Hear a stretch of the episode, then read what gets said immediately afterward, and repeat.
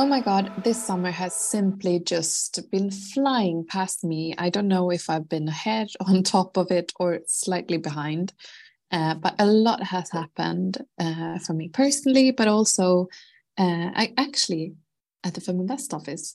Not only has we moved to we moved to a, a slightly larger space uh, in the center of Stockholm, we have also uh, grown a little bit about the team, and you'll meet one of the latest team members in, in today's podcast, not just because she is a great team member, but also because she has this amazing uh, competence when it comes to ESG. Uh, so, talking about sustainable, uh, the sustainability movement that's uh, going on across industries to ensure that we actually get to survive on this planet a little bit longer uh, because we it's not sustainable as as it is today, as you all know. And I we're driving back from Skåne, the south of Sweden, uh, just a few days ago, and we're hit by the massive storm Hans, and it just gives you the the so like it's so tangible that you can actually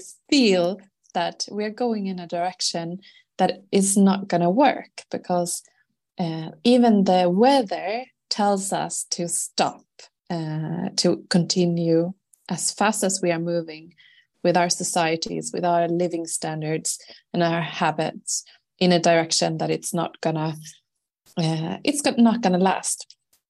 And um, you know, it's not just that because before Skåne, I were in Spain and spent a week together with uh, friends there, and there was too hot, and I actually started my working week now this uh, this few days that I've been back in the office talking to multiple people. And you know it's so funny when you pick up the same thoughts from everyone. And I the latest meeting I had was this morning at eight o'clock.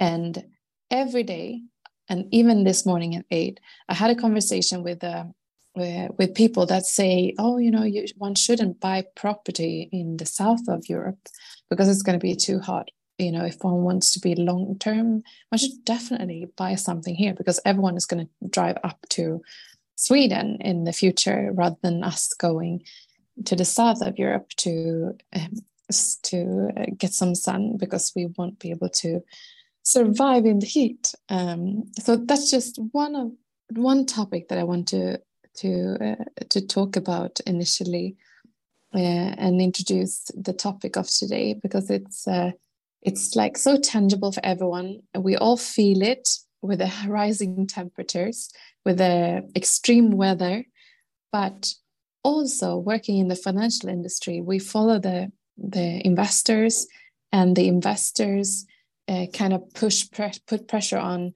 uh, the larger corporates on what they want to see from a sustainability reporting uh, so that they can invest more sustainable. And uh, this is a huge uh, pond to dive into. And I'm so excited about having you here, uh, Somayeh Cardejin. You are uh, you are an ESG expert in many aspects. You worked with ESG for many years, but you've got quite a multifaceted background. So uh, I want you to share a little bit about that rather than me telling everyone what you do. So can you just share a little bit about where you where where you're from and uh, how come this uh, journey of yours? Thank you, Michaela, for the warm welcome. And uh, it's a pleasure to be part of uh, your team now uh, to start with. And well, to be honest, my background has not a straight line at all. Um, I moved to Stockholm 20 years ago uh, from a little hockey village in in middle of uh, Sweden. It calls Dalarna, Leksand. And the purpose was back then to take a bachelor degree to start with. And um, I know we've been talking about this before. Uh, I have a great interest for geopolitical, and uh, maybe this is a a, a puzzle uh, for my interest for finance um, because everything is interconnected, as we know. But uh, to make a long story very short, uh, I I took a master's degree within human rights, and um, I was uh, writing about um, just transition and the SDGs, Sustainable Development Goals, and, and um, see how our politicians uh, give the right tool to the corporates and um, so we can manage this a little bit crazy climate uh, situation that everyone is um, is going through uh, everywhere in the world. It's it's very obvious. How many so, people have you heard this statement that I said in, in like after during the summer? Like the one should buy property in in the Nordic part of of uh, Europe rather than the south. Yeah, I've heard that quite a lot this summer actually because, yeah. as you say, so many people are worried about the heat and um, yeah i think i think it's healthy to think in long term not just for the next two or three years. When you invest you want to think 10 years 20 years right? Yeah, um, definitely. yeah but also the, the quality of life. You don't want to you don't want to live at a place that it's too hot you, you feel mm. suffocated right? Yeah. Uh, i do uh, if i if i um, just speak for myself. Yeah but i mean it, it, so you took your master's uh, yeah. in stockholm? Yes exactly at enskilda högskolan. Uh, they were the first university that started human rights actually. So they have uh, built the institution in, at lund university and at uppsala university. So it's the same uh, teachers everywhere. They are uh, both uh, at Lund, Uppsala, and here in Stockholm. So it's good. Mm. So we have. But with that background, you must have so many different opportunities to dive into. How come you got into finance? It was very clear for me when I was writing my thesis about the sustainable development goals that everything was inter- interconnected and i really wanted to make sure to redirect the flow of money into more sustainable and ethical path. Uh, and i saw clearly that the fastest way and also the most fun way was to work within finance because as we know it's fast growing area and it's always dynamic. Mm. so yeah but I understand that. Uh, like start where the money, follow the money, really. Yeah, exactly. Mm. And I uh, read some in, super interesting data that the market of ESG, because it's actually a global market now, so much money is not just put into the departments within each company, but they are. It's a fast growing industry of of uh, ESG. Um, what I wouldn't say workers, but companies that uh, drive this change and measure this change and innovate yeah. within this area. Yeah. I read that the co compound annual growth rate uh, globally would jump uh, by 6.3% just in 2020 no every year up until 2033 so yeah. if you look at uh, the, the actual value globally in 2033 it would be 72.4 billion US dollars. Mm. And um, and it's uh, it's also you know timely matched with this uh, like governance structure that's tried to be rolled out now across EMEA, across Europe, and in the US. Mm. But, and and with that, I think it's so interesting also because we are moving in a in a direction where everyone should go net zero yes to that most companies that's not going to be enough you have to move into climate positivity yes. as a new uh, super exciting and interesting trend mm. and what that means is that your company would not only uh, be neutral in terms of the carbon dioxide that you um, you your operations result in, but you will actually uh, be add positive. So you will make an impact rather than just be neutral. Um, how are companies actually working with ESG? Like from the, the, the years now that you worked ahead of Feminvest, you've been following this trend closely. Yeah. I mean, um, nowadays, 2023, I know many rating agencies uh, they they have this new service and product climate risk rating just to make sure that companies are aligning with regulatory from EU and uh, to get grip uh, with scope 3 emissions um, because um, that's demand for reporting of scope 3 emissions. It will rise as will expectations to reduce them as you say uh, a challenging area for many uh, i can see that clearly but um, so would you say that it it's uh, what the companies can communicate and for, for the investors it would be through the annual report is that where you can see what where the transition is happening with annual and sustainability report. They are aligning that together with the esg rating and also the climate risk rating um, mm. nowadays to make sure they benchmark every year with themselves not only with their peers. So um, yeah that's the that's the hugest trend i can see for now so uh, investors are by um, asking for transparency when it comes to how the companies are managing their um, risks how they are taking responsibility of of what they can do to contribute to the environment uh, but also um, how regulations are slowly but surely moving all the especially large corporates, but also the smaller companies has to follow in one direction, a more sustainable dire direction. Um, so, um, would you say that investors are driving the change in that regard? Yes, uh, of course. A, a, lot of them depends on if they want to make an investment long term or short term. But when you have an ESG uh, rating, you can go into that platform. Uh, the most of the, the largest um, investors using platforms where they can look into the managing part of a corporate. How do they manage the the risks of uh, when it comes to climate, for example? Um, it, it, it's so many nuances. It's not just black and white because sometimes you can see the good effects of something bad.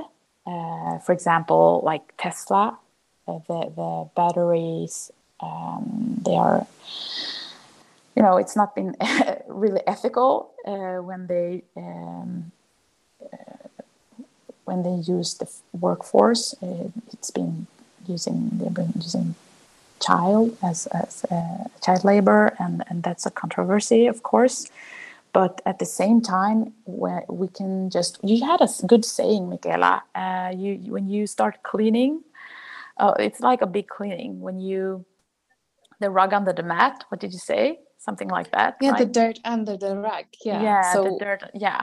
So basically when you do something good for the environment something else is popping up. Uh, it's a domino effect. So when it yeah, comes and that is that is so interesting because for example we in sweden we've we have uh, you know followed h&m and the positioning of the company as trying to move in a in a direction of becoming climate positive. But then just a few weeks ago um, in june there was a massive article in one of the national newspapers where uh, one saw how the clothes from H&M ended up in a beach in Ghana and um, those clothes were supposed to be um, reused. Yeah. So it was a huge debate uh, in regards, but obviously H&M is doing a lot as well. Yes, of course.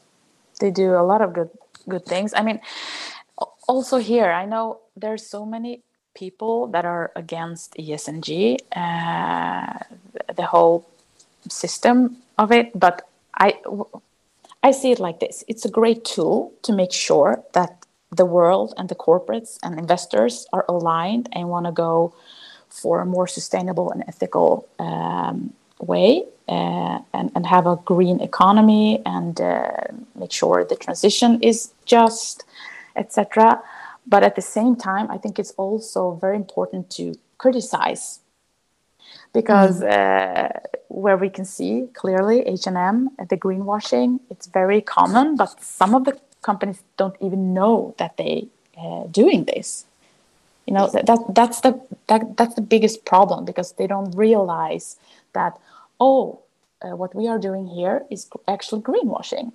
So mm. when we have people that criticize uh, ESG, I think that's great because it's sharpened the tool each year, every day, the, uh, the people The that are companies- working. Yeah. sorry, excuse me. Yeah, the companies get better Yeah, uh, indeed. based on that feedback that they get and the transparency. Yeah, the but- transparency. Yeah. Yeah. Mhm. Uh, I also think it's interesting because um, obviously today, 60% of people are basing their purchasing behaviors on sustainability and ethical criteria. Yeah. And this is growing year on year. Hmm. Uh, so we are as consumers, as investors, we are taking this into consideration, consideration to a greater extent today than what we did last year. Hmm. Uh, and if we then look at the impact and what areas we, where do we have to focus, it would be interesting to see because if you look at property, industry, and transportation, fossil fuels uh, are obviously the creating the most damage. yeah.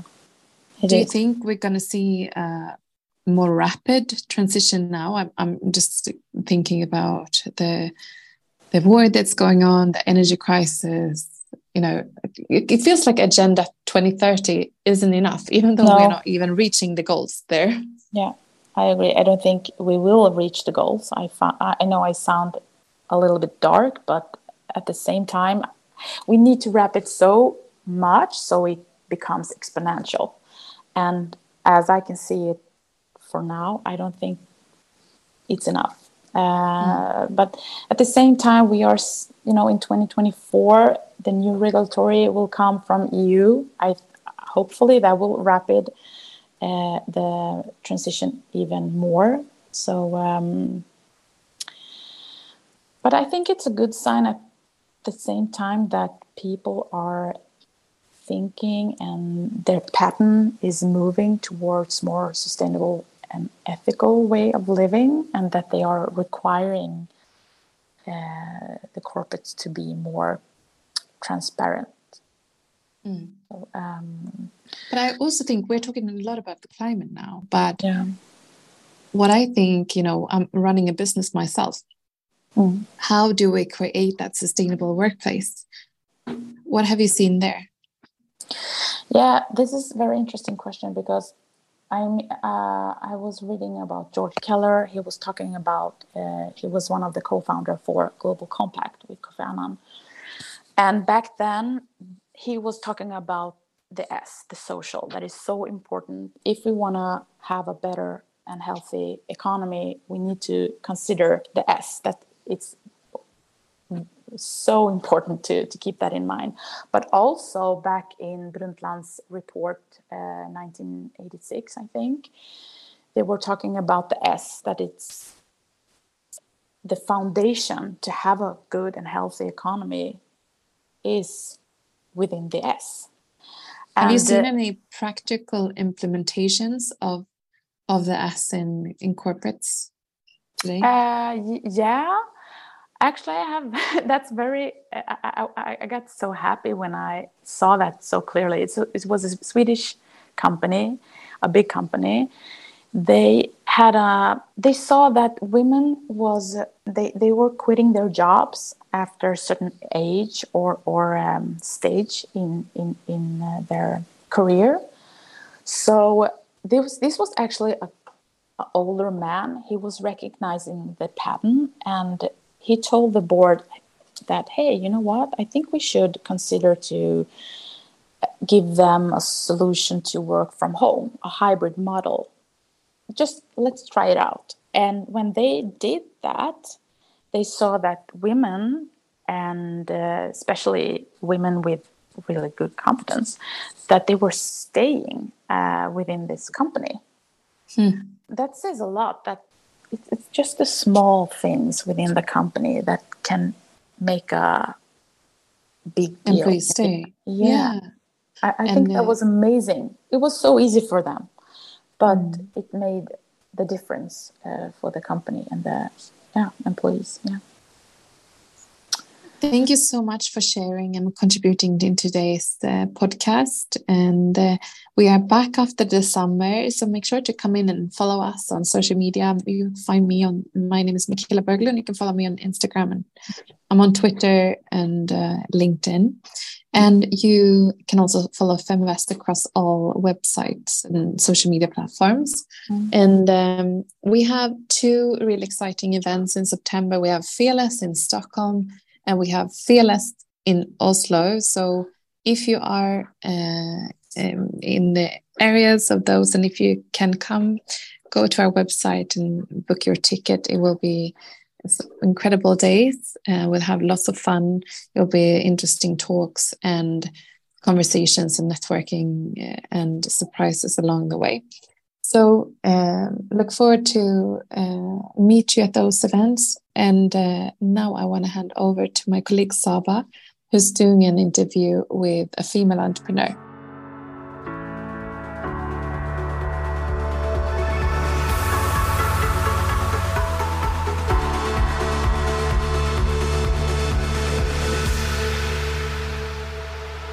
And welcome back to our podcast after eight weeks of summer talks within Feminvest podcast. We are back now with uh, our regular episodes. And today, with me, I do have the privilege of speaking with Anna Quarnström, the sustainability developer at GodEl, which is one of Sweden's leading renewable energy companies. Anna is also the driving force behind Startup for Climate, which is an exciting energy innovation challenge that aims to accelerate the energy transition and combat climate change.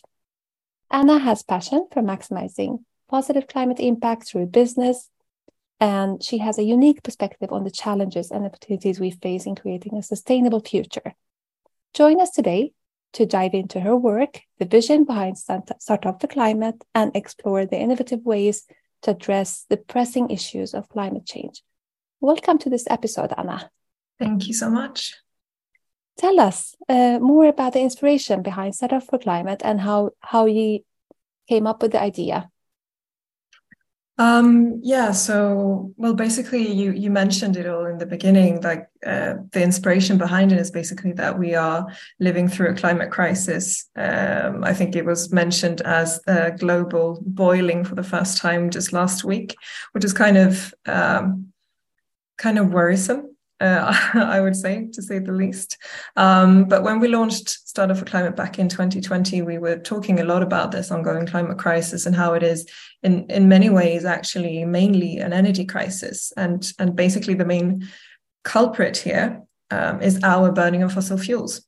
Uh, and I would also like to to claim that nothing has changed since we started this competition back in 2020. If anything, things have gotten slightly worse. Um, so in this context, Startup for Climate is is one of our most urgent initiatives um, because the energy sector is one of the world's main polluters and it's one of the main drivers of global warming. Um, but it's also, of course, an enabler of, of most of the things that we take for granted today and that, that we need for our daily lives.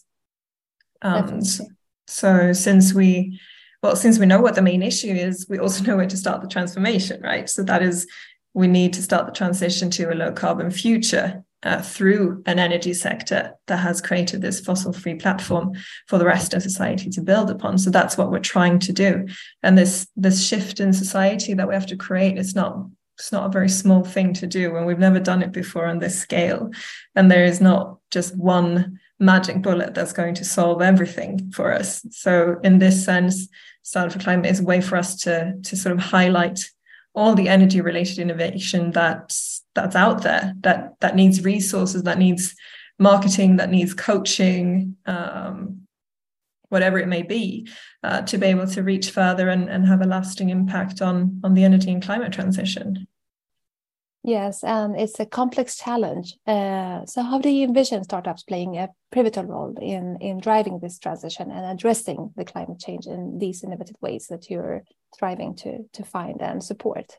Well, I think the the the problem that we're facing today is that big uh, big uh, and uh, established companies they play a huge role in in shaping the society and shaping our energy systems that we have and it's not always easy for them to just switch or turn around and do something new. Um, and I think startups and smaller companies and new companies with, with new innovations, they have that sort of unique selling point where they can actually uh, bring a new innovation to the table. Um, and they are very fast moving. They can turn around easily.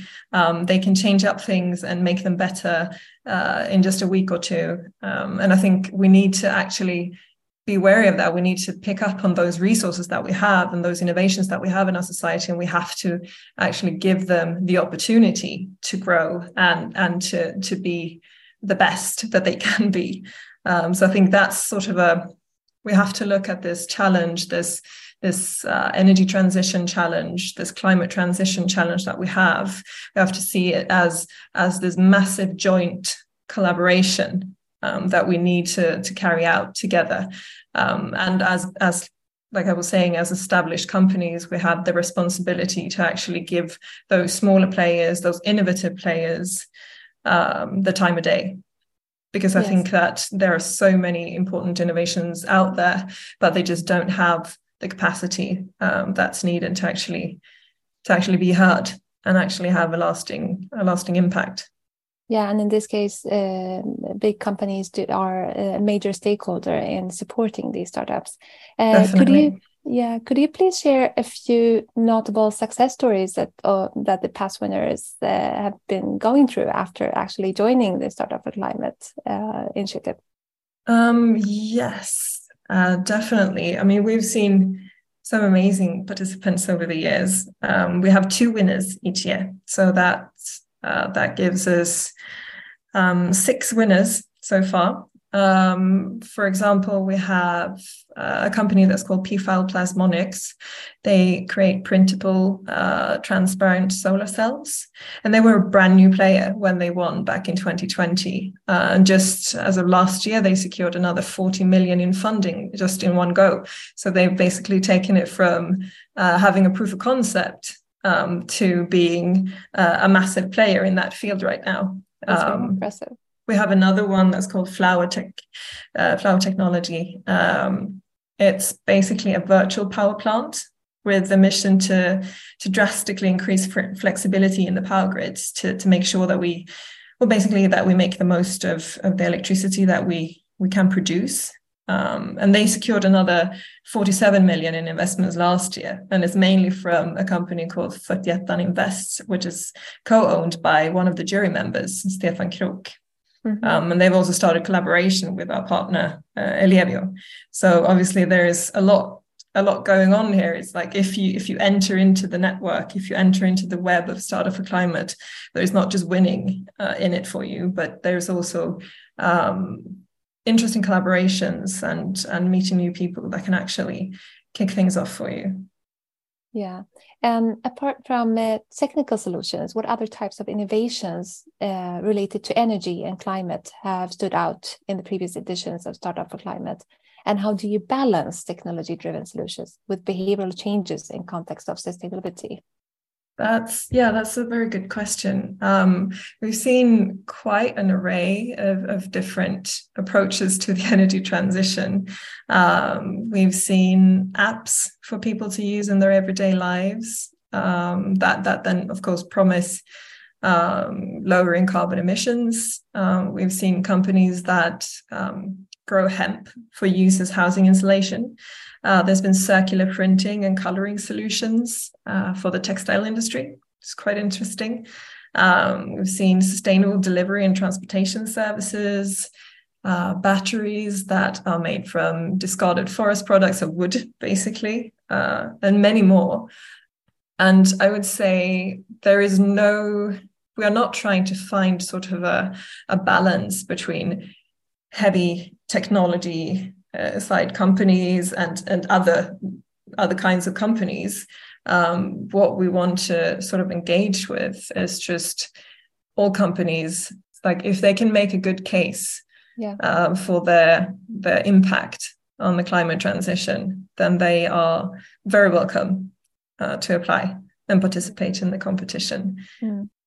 Yeah, and Anna, would you like to tell us more about how uh, the application process looked like and uh, what are the criteria that you need to fulfill in order to apply to this challenge for Definitely. 2023? Yeah, so as we've mentioned, the, the challenge is, is aimed at, at young companies that have ideas that can speed up this energy transition. Um, so that's the main idea, but there are also a few more criteria in place just to narrow it down a little bit. Um, so basically, the applicant has to be Swedish registered aktiebolag. Uh, so uh, that conducts its business in Sweden. If you have other add-on markets, that's fine as well. Um, and the applicant has to have a maximum of 49 employees. Um, so that those are basically the, the main criteria. Um, you can read about them as well on the website. Um, and then I would like to stress that the submission, uh, the submission uh, form, you can find it on our website, and it's very, very easy to fill in because we've actually made it that way um, on purpose to make sure that we don't steal too much valuable time from the participants. Um, so even if you're unsure or you, you, don't really know if if your innovation is is a good fit for this, either you can you can email us. Um, the email address is on the website as well, um, but you can also just fill in uh, the submission form because it's it's just going to take you like five to ten minutes maximum, um, and just uh, save it and send it to us, and we will give you a a, a response uh, within one day, basically. Um, so it's a very easy process. Yeah, that's great. And uh, this means that you need you need basically just to have a, a aktiebolag. Yeah. And uh, less than 49 employees yes. to be able to apply. Yes. Yeah. Exactly. That's perfect. That takes us to the next questions. Uh, the representation of women-led startups in in tech and energy sectors uh, has historically been lower, but I guess you have some kind of strategies to try to employ to encourage and support women, uh, yeah. women to, to, participate and excel in the Startup for Climate uh, Challenge this year. Yeah, yeah, that's true. Um, so it's it's been quite male dominated historically, which is you know it's, it's all it's all good. We're all working for towards the same goal here. Um, but at the same time we know that there are so many impressive and amazing uh, female founders out there that we would love to see represented in this competition as well just to give it more diversity and, and to hear all the voices that will be part of this transition that we're going through. Um, and of course like you mentioned previously previous years has been kind of difficult to um, to get female entrepreneurs to apply. Um, even though we see them as participants in the company, they are never there to represent the company when it comes to when it comes to these kinds of competitions. Um, so what we're doing this year is, well, of course, we're talking to you guys, um, and we want to encourage all women in startup companies to just take a greater role in in representing the companies and the innovations um, and, and another aspect that we want to highlight is what we just um, talked about that it's the competition is aimed at all types of startup companies with a bearing on energy and climate. So it doesn't have to be tech heavy companies or companies that build new kinds of renewable energy, but also companies that sort of promote other values such as um, behavioral changes or industries that are not usually seen as having direct connections to energy. Like it could be industries with a lot of um, embedded energy, for example, um, industries that are very uh, energy intensive, but that you perhaps don't think of necessarily as as connected to the energy transition. But as long as we can reduce the energy and reduce emissions from that energy uh, from that um, sector. Uh, from that kind of business, then it will have a huge impact on the energy transition as a whole. Um, and like I mentioned, we have had applicants in like app development or or house insulation, textile dyeing, etc. And basically, as long as you can demonstrate this connection and the effect of your innovation, you you you you are a great fit for the challenge. Yes, and uh, I want to give a shout out to to all our expand members, uh, the female entrepreneurs who are working very hard to to pursue the dreams. Uh, we do have a a few companies actually more companies that i could imagine that could work with with um, applying to this challenge and uh, maybe take the prize this year. So I hope that our expand members and all female entrepreneurs listening to us today um, click into Startup for Climate and uh, read about how this challenge is actually working with uh, with different sectors and that um, embedded energy is part of this um, initiative. So if you have anything in mind, um, make sure to apply. And who who knows? Maybe we'll meet on November fifteenth, right? Exactly. Yeah, that's where the prize will be announced and the pitching will will be held, right? Yeah, exactly. And tell us more about, about the prize, actually. We haven't. Um, yeah, so the prize, um, basically, what you win um, is is well from the beginning. Both participating and winning will lead to a lot of publicity um, because everyone who's participating, and and especially if you make it to the shortlist, you will be marketed in social media. Um, we'll send out press releases. They will be published uh, on our partner. We Don't Have Time's website. Um, We Don't Have Time is is the world's biggest network for climate ideas and solutions. They have like over, I think it's over 25 million in monthly social media reach, which is quite a lot. Um, and also the two winners will be presented in both Dagens Nyheter and Svenska Dagbladet. So that's sort of the, the marketing side of things. Um, but then you also win uh, 1 million Swedish crowns um, and you also win uh, three hours of coaching with a jury member of your choosing, um, which is good for sort of creating connections and creating your network, of course. Um, and you also win a year's uh, membership at Things, uh, which is our fourth partner. Uh, Things is a startup innovation hub in uh, in Stockholm. That's amazing. Yeah. yeah. And also one thing that I can mention that kind of makes us stand out a bit compared to to similar similar kind of competitions um, is that we don't really we do we don't really want any claim uh, to to your innovation. Um, it's basically a million Swedish kroner, and you um, you get to do what you see as best for your company and to grow your innovation. Um, and we just want to be there along the ride, like on the sidelines, to make sure that you actually make it to where you want to make it. Um, but other than that, we don't we don't want any any stake in what you're doing. We just really want to see companies succeed, and we want to take part in in that journey. Yeah, that's amazing. Um, and I mean, within energy and climate innovation, I believe that female entrepreneurs might bring fresh perspectives and unique solutions um, that resonate with a diverse audience as well. And, Definitely. And uh, I hope that we will be able on the 15th to to actually share examples of women-led startups that have brought creative and impactful solutions to address energy challenges. Absolutely. and uh, make sure that Startup Climate actually will embrace and promote such diversity uh, to overcome these gender biases, of course except for the prize, uh, how do you actually support these um, winners afterwards? Do you have any um, kind of um, network for or for the winners or alumni that the applicants that have been participating in the challenges before? Um, we don't have a network um, for alumni as of as of today, but we've been talking about it definitely because there is so much going on. But we we do actually tend to just keep in touch, um, and we have uh, six month check ins and one year check ins, and they keep getting invited to things, and and of course um, being part of of the GodEl Ellevio things, and We Don't Have Time network. It just leads to to so much more uh, and that sort of gets a, a life of its own um, and that just keeps on uh, keeps on living and keeps on rolling um, even after the the competition which is great yeah. so yeah. it's basically i think it's it's you know um, we keep seeing them we keep talking to them um, we keep hearing them and we keep pushing for them and sort of rooting for their success and that we've seen and we've heard from the the participating companies as well is worth a lot sometimes is worth more than than winning a million a million Swedish crowns. Definitely, yeah.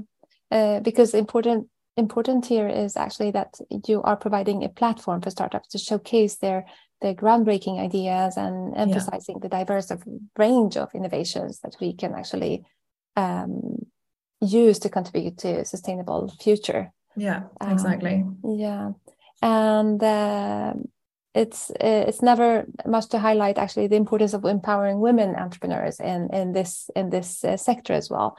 Uh, and i'm so proud that startup for climate is actually being a partner uh, and and was talking to our expand members at our last event in june.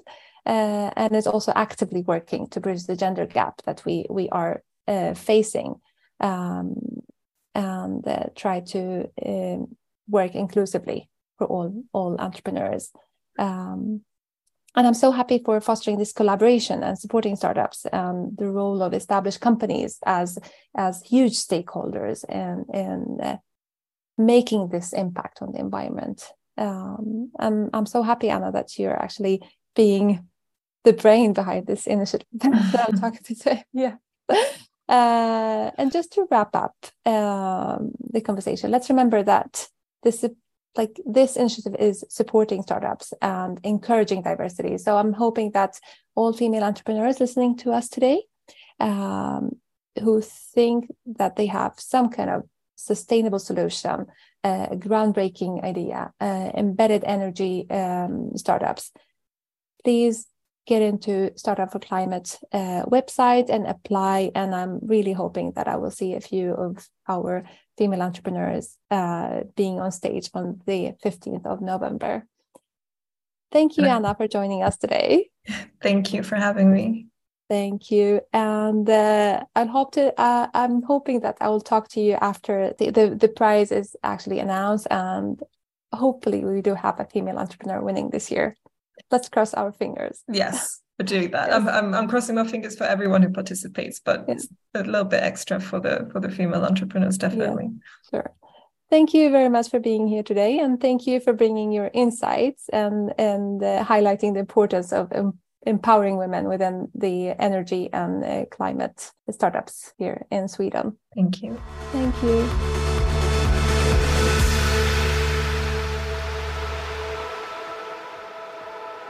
Feminvest är Sveriges största investeringsnätverk för tjejer. Vi vill att allt fler ska våga äga och förvalta. Och hur gör vi då detta? Jo, vi vill inspirera, utbilda och utmana runt ägande, investeringar och entreprenörskap. Följ Feminvest på våra kanaler Facebook, Instagram, Youtube varje vecka så kommer vi även ut med en podd och du kan ju självklart även följa nyheterna som publiceras på feminvest.nu. Det är bara att söka på Feminvest på samtliga kanaler så hittar du till oss.